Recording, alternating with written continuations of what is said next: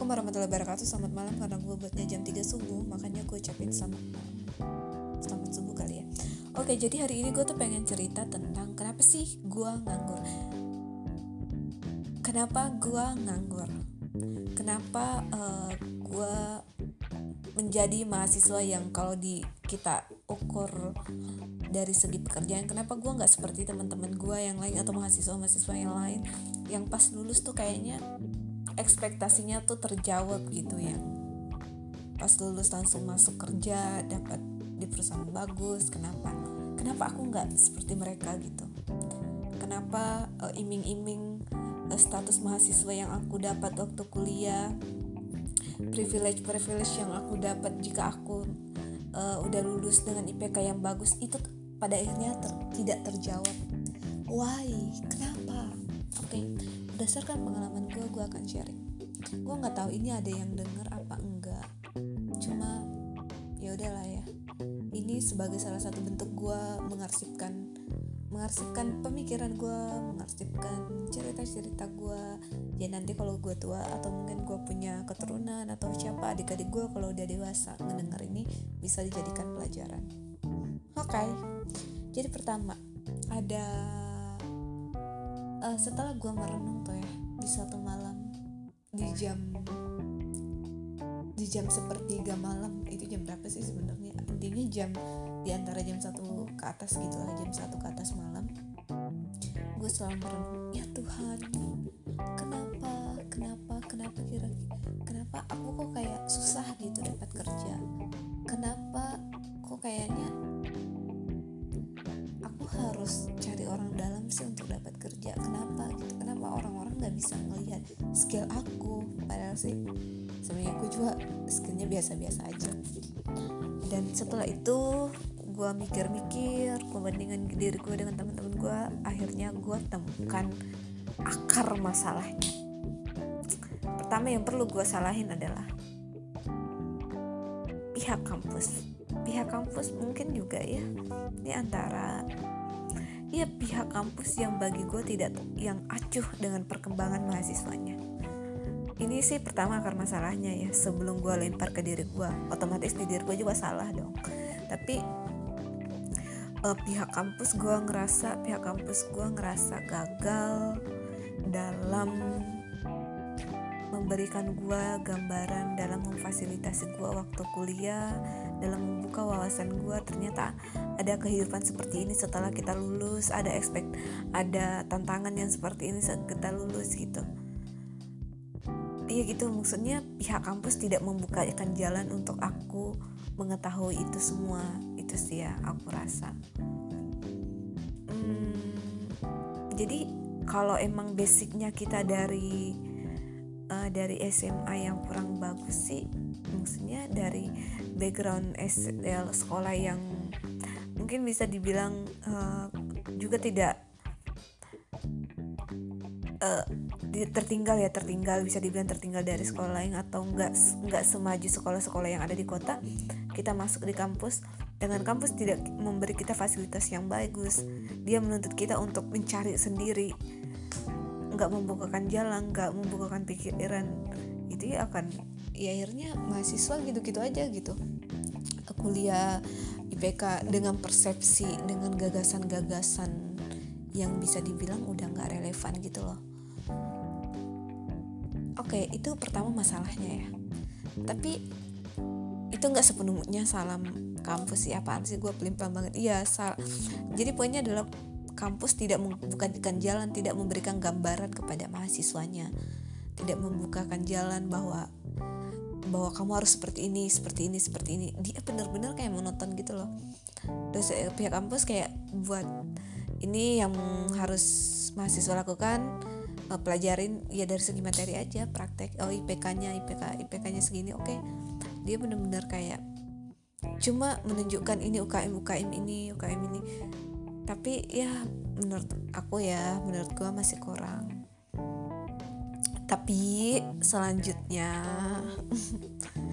yang patut disalahkan juga adalah diri gue sendiri. Jelas itu diri gue sendiri yang gak ada usaha untuk mencari tahu. Udah tahu kampusnya nggak memberi fasilitas itu. Nggak tahu. Udah tahu kampusnya nggak eh, nggak sebegitunya dalam mencerdaskan anak bangsa. Udah kurang gila gue ngomong malam-malam kayak gini. Pidato kayak Soekarno Hatta. Pancasila satu. Nggak jelas.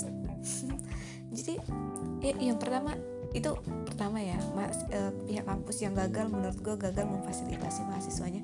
Ya meskipun banyak sih produk-produk eh, kampus gue yang gue rasa juga berhasil. Itu banyak faktornya gitu misal dia emang dari sekolah yang udah terbuka pikirannya udah wawasannya tuh udah luas gitu dari sekolah yang bagus kampus jadi dia emang udah udah agresif uh, mencari ke sana kemari untuk mengembangkan dirinya dia. Tapi ada juga sih dari mahasiswa yang dari yang si, mahasiswa yang awalnya biasa aja tiba-tiba produk kampus gue ya uh, tiba-tiba uh, akhirnya pas lulus jadi pas kuliah tuh pintar banyak prestasinya itu banyak faktor yang melatar belakangnya itu. Jadi nggak sepenuhnya salah mas salah salah kampus. Tapi tetap bagi gue gitu. Dan gue amatin gitu.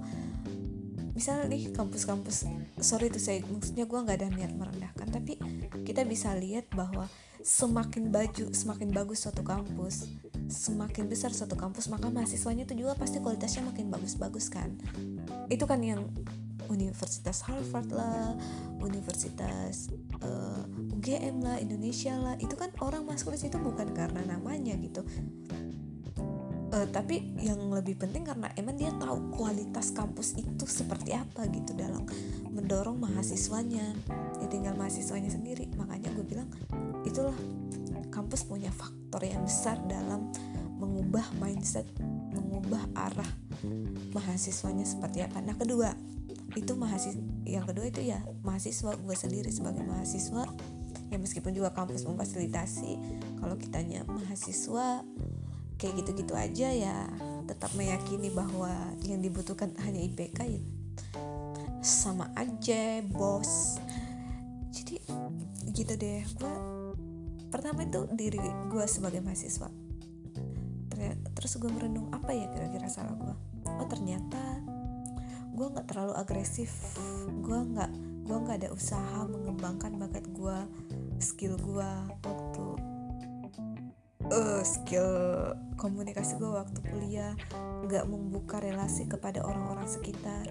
Nggak masuk organisasi which is di situ which is iya nggak masuk organisasi yang mana tuh di situ uh, itu benar-benar melatih kepemimpinan kita gitu. Melatih integritas diri kita. Uh, eh, gue masuk organisasi sebenarnya cuma nggak terlalu nggak terlalu nggak terlalu fokus di situ. Cuma gue bisa tangkap orang-orang di organisasi gue tuh bentukannya bagus gitu. Jadi ya emang gue aja yang salah. Terus selanjutnya adalah gue dulu sering banget main. Apa dikit-dikit main dikit-dikit nongkrong dikit-dikit uh, jalan. Tugasnya cuma untuk resume aja harus ke kafe nongkrong ngerjain bareng temen-temen. Ya, ya itu menurut gue cara yang salah ya. Harusnya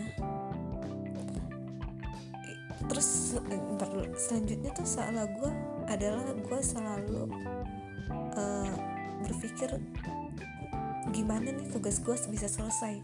Tapi pikiran gue bukan gimana caranya nih gue mengerjakan tugas gue jadi be ada perbedaan antara bagaimana ini tugas cepat selesai dengan bagaimana gue bisa paham nih tugas. Itu dua kon dua uh, kalimat yang berbeda makna.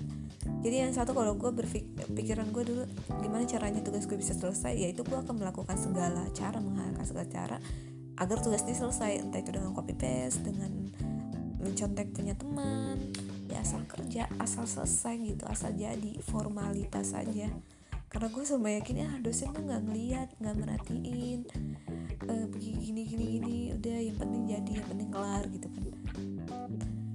Pada akhirnya nggak ada yang tersimpan di otak nggak ada yang aku pahami. Ya harusnya tuh keyakinan kita tuh dulu keyakinan kita sebagai mahasiswa yang perlu tanam itu gimana cara ini gue bisa paham? Jadi kita ada usaha mempelajari sendiri. Itu. Dengan pemikiran yang seperti itu ya itu akhirnya mengembangkan diri kita gitu mengembangkan pengetahuan kita. Gue nggak tahu ini udah gue sebutin apa enggak. Ini gue nggak pakai skripsi jadi belepotan banget. Nggak runut. Yang ketiga itu nggak membangun relasi ya. Bagi gue tuh mendapatkan status mahasiswa adalah privilege gitu loh. Keistimewaan. Jadi dengan modal alma mater aja kita bisa kita punya jalan untuk ketemu orang-orang penting untuk belajar dari mereka banyak hal. Dengan modal alma mater kita bisa ikut lomba kita bisa keluar kota gratis dibiayain kampus. Dengan modal alma mater ya kita bisa belajar banyak hal lah dengan alma mater gitu. Kayaknya untuk ke mana-mana tuh dengan alma mater mudah. Karena orang gampang menerima kalau judulnya tuh mahasiswa. Mau magang ya kan terima mahasiswa. Terus apalagi ya? Itu sih jadi uh, eh, gue rangkum dulu. Yang pertama tuh ada pihak kampus yang pertama tidak membukakan jalan. Makanya penting banget kita memilih kampus-kampus yang bagus saat kita mau kuliah karena itu sih poinnya. Kedua adalah diri uh, diri gua atau kita sendiri sebagai mahasiswa yang mana kesalahannya adalah satu tidak masuk organisasi yang mana tuh dari organisasi itu kita belajar kepemimpinan integritas itu tuh pentingnya di situ. Integritas diri tuh dalam dunia kerja setelah lulus itu sangat dibutuhkan gitu. Jiwa kepemimpinan ketegasan itu kepake banget saat kita lulus. Kalau nggak ada basic di situ tuh ya susah gitu. Akan menjadi orang yang gitu deh. Cuma orang yang nggak punya pegangan gitu. Menurut aku tuh kurang bagus saja ya. Terus selanjutnya uh, kedua tuh uh, iya asal kerja tugas asal jadi. Jadinya nggak ada yang ke save di otak ketiga tidak membangun relasi ke orang-orang. Padahal kita punya punya modal gitu dengan alma mater kita kita bisa ke mana pun bertemu siapa pun gitu. Terus yang keempat nih uh, eh, gue waktu itu ngerasa gue tidak mengikuti perkembangan zaman. Gue tidak memperhatikan apa nih yang terjadi sekitar gue gue bener-bener cuma belajar ngerjain tugas yang penting gue pengen lulus cepat cari kerja itu doang yang dipikirin gue padahal kita tuh harus peka oh yang tren sekarang apa sih nih sekitar gue ini ini keadaan gue sekarang kenapa sih? Ini negara gue sekarang kenapa sih? Ini yang ngetren sekarang apa sih? Itu penting banget untuk kita selalu beradaptasi dengan dengan zaman dengan zaman. Jadi kita kalau udah peka dengan hal-hal yang terjadi sekitar kita ya kita aja bisa melakukan hal yang benar-benar sesuai gitu dengan apa yang dibutuhkan orang-orang sekarang apa yang orang merhatiin sekarang. Jadi nggak kayak oh gue cuma belajar belajar doang nih misal jurusan jurusan gue informatika kan belajar uh, informatika doang komputer doang uh, tapi ternyata gue yang gue pelajarin tuh banyak orang yang bisa mengerjakan itu gitu. Setelah gue lulus baru sadar oh ternyata yang gue belajar selama ini banyak gitu orang yang paham soal itu. Gue biasa aja ternyata. Tapi coba kalau kita dari awal udah peka akan hal seperti itu oh ternyata banyak yang belajar informatika. Oh ternyata uh, sekarang uh, yang tren di bidang ini membuat seperti ini seperti ini. Sehingga kita bisa beradaptasi gitu. Kita bisa melakukan inovasi dengan skill yang kita punya. Itu sih. Hmm, apalagi ya? Itu sih empat poin yang paling penting sih menurut gue yang harus dimiliki seorang mahasiswa kalau emang gak pengen jadi pengangguran atau menjadi orang yang nanti pas lulus hanya mendamba orang dalam hanya mengharap orang dalam hanya mengharap uh, tantenya kerja di sini pengen masuk di situ omnya. Iya kayak gitu sih. Kalau kita udah ngelakuin itu poin empat itu uh, belajar uh, bela fokus ngerjain tugas kita sendiri menyelesaikan belajar memahami tugas kita sendiri masuk organisasi uh, melatih kepemimpinan menjalin relasi dengan orang-orang. Terus keempat tuh apa ya yang tadi? Aduh gue lupa lagi. Uh, beradaptasi dengan sam iya beradaptasi dengan zaman. Memahami kondisi sekitar itu sih yang penting ya. Sejauh ini gue yakin ketika poin itu gue penuhin waktu gue kuliah uh, gue ngeskip gue ngeskip um, momen-momen main gue ketawa-ketawa gue cengar-cengir gue yang gak jelas. Ya mungkin gue bisa menjadi seseorang yang lebih baik dari sekarang. Gue yakin sih.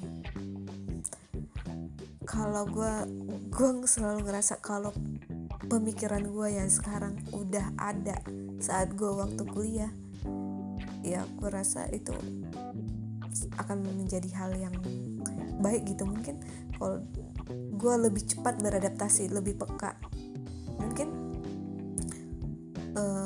gue nggak setertinggal ini belajarnya gitu. Karena gue ngerasa seharusnya di waktu sekarang tuh gue udah ada di tahap implementasi ilmu gue gitu keilmuan gue udah tahap di menikmati apa yang udah gue pelajarin. Tapi sekarang tuh gue ngerasa gue masih di tahap baru belajar lagi.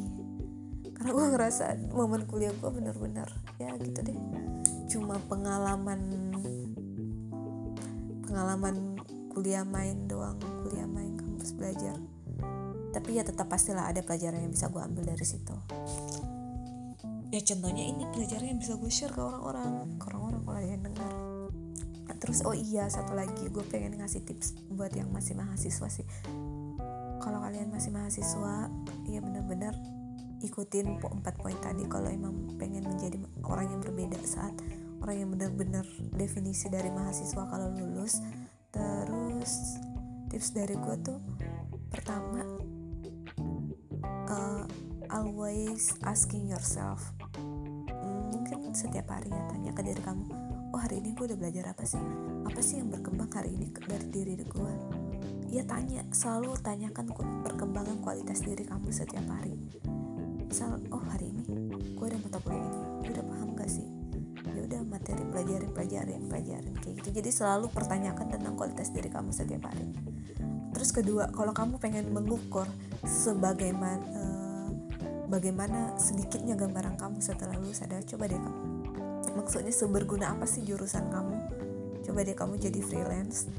Terus kamu buka tuh aplikasi freelance. Coba cari skill yang kamu bisa apalagi kalau udah semester 4 ya itu pasti udah banyak lah skill yang bisa. Semester 3 juga udah banyak sih. Coba kamu buka jadi freelance kamu pilih di situ uh, jenis-jenis pekerjaan jasa yang bisa kamu kerjakan. Kalau kamu ternyata nggak ada yang bisa kamu kerjakan di antara yang lain dan kalau kamu ngerasa uh, karena di situ tuh kita akan cepet banget sadarnya. Karena misal kita videografi nih kalian pilih videografi pasti dimasukkan deskripsi pengalaman. Coba kalau kalian bener-bener nggak ada pengalamannya kalian itu bingung mau masukin apa di situ. Nah jangan sampai itu baru kalian rasain setelah lulus. Jadi kalau kalian lebih cepat menyadari itu oh nggak ada yang bisa gue isi nih di deskripsi tentang diri gue ibaratnya portofolio ya. Nggak ada yang bisa gue isi dari sini. Sedangkan freelance freelance lain tuh backgroundnya bagus-bagus gitu uh, pernah ini ini ini ini ini. Ya jadi dengan melihat itu kita akan semakin sadar oh ternyata gue belum ada apa-apanya ya. Ya udah dengan dari situ kalian belajar lagi belajar lagi sampai akhirnya kalian udah bisa memasukkan sesuatu di des deskripsi tentang yourself. Tentang pencapaian kamu biar orang tuh percaya oh ini orang emang bisa di skill ini. Coba deh kalau emang saat kuliah kamu udah bisa mendeskripsikan diri kamu di situ dengan baik dengan uh, prestasi-prestasi yang kamu punya ya sebenarnya ya kamu udah udah sedikit aman gitu kayak udah udah ada gambaran kamu ya lumayan lah minimal ada skill mungkin kamu tinggal memperbaiki faktor-faktor lain atau uh, ya bagian lain lah yang bisa kamu kembangkan terus selanjutnya. Ini tips di luar di luar sekolah akademik sih.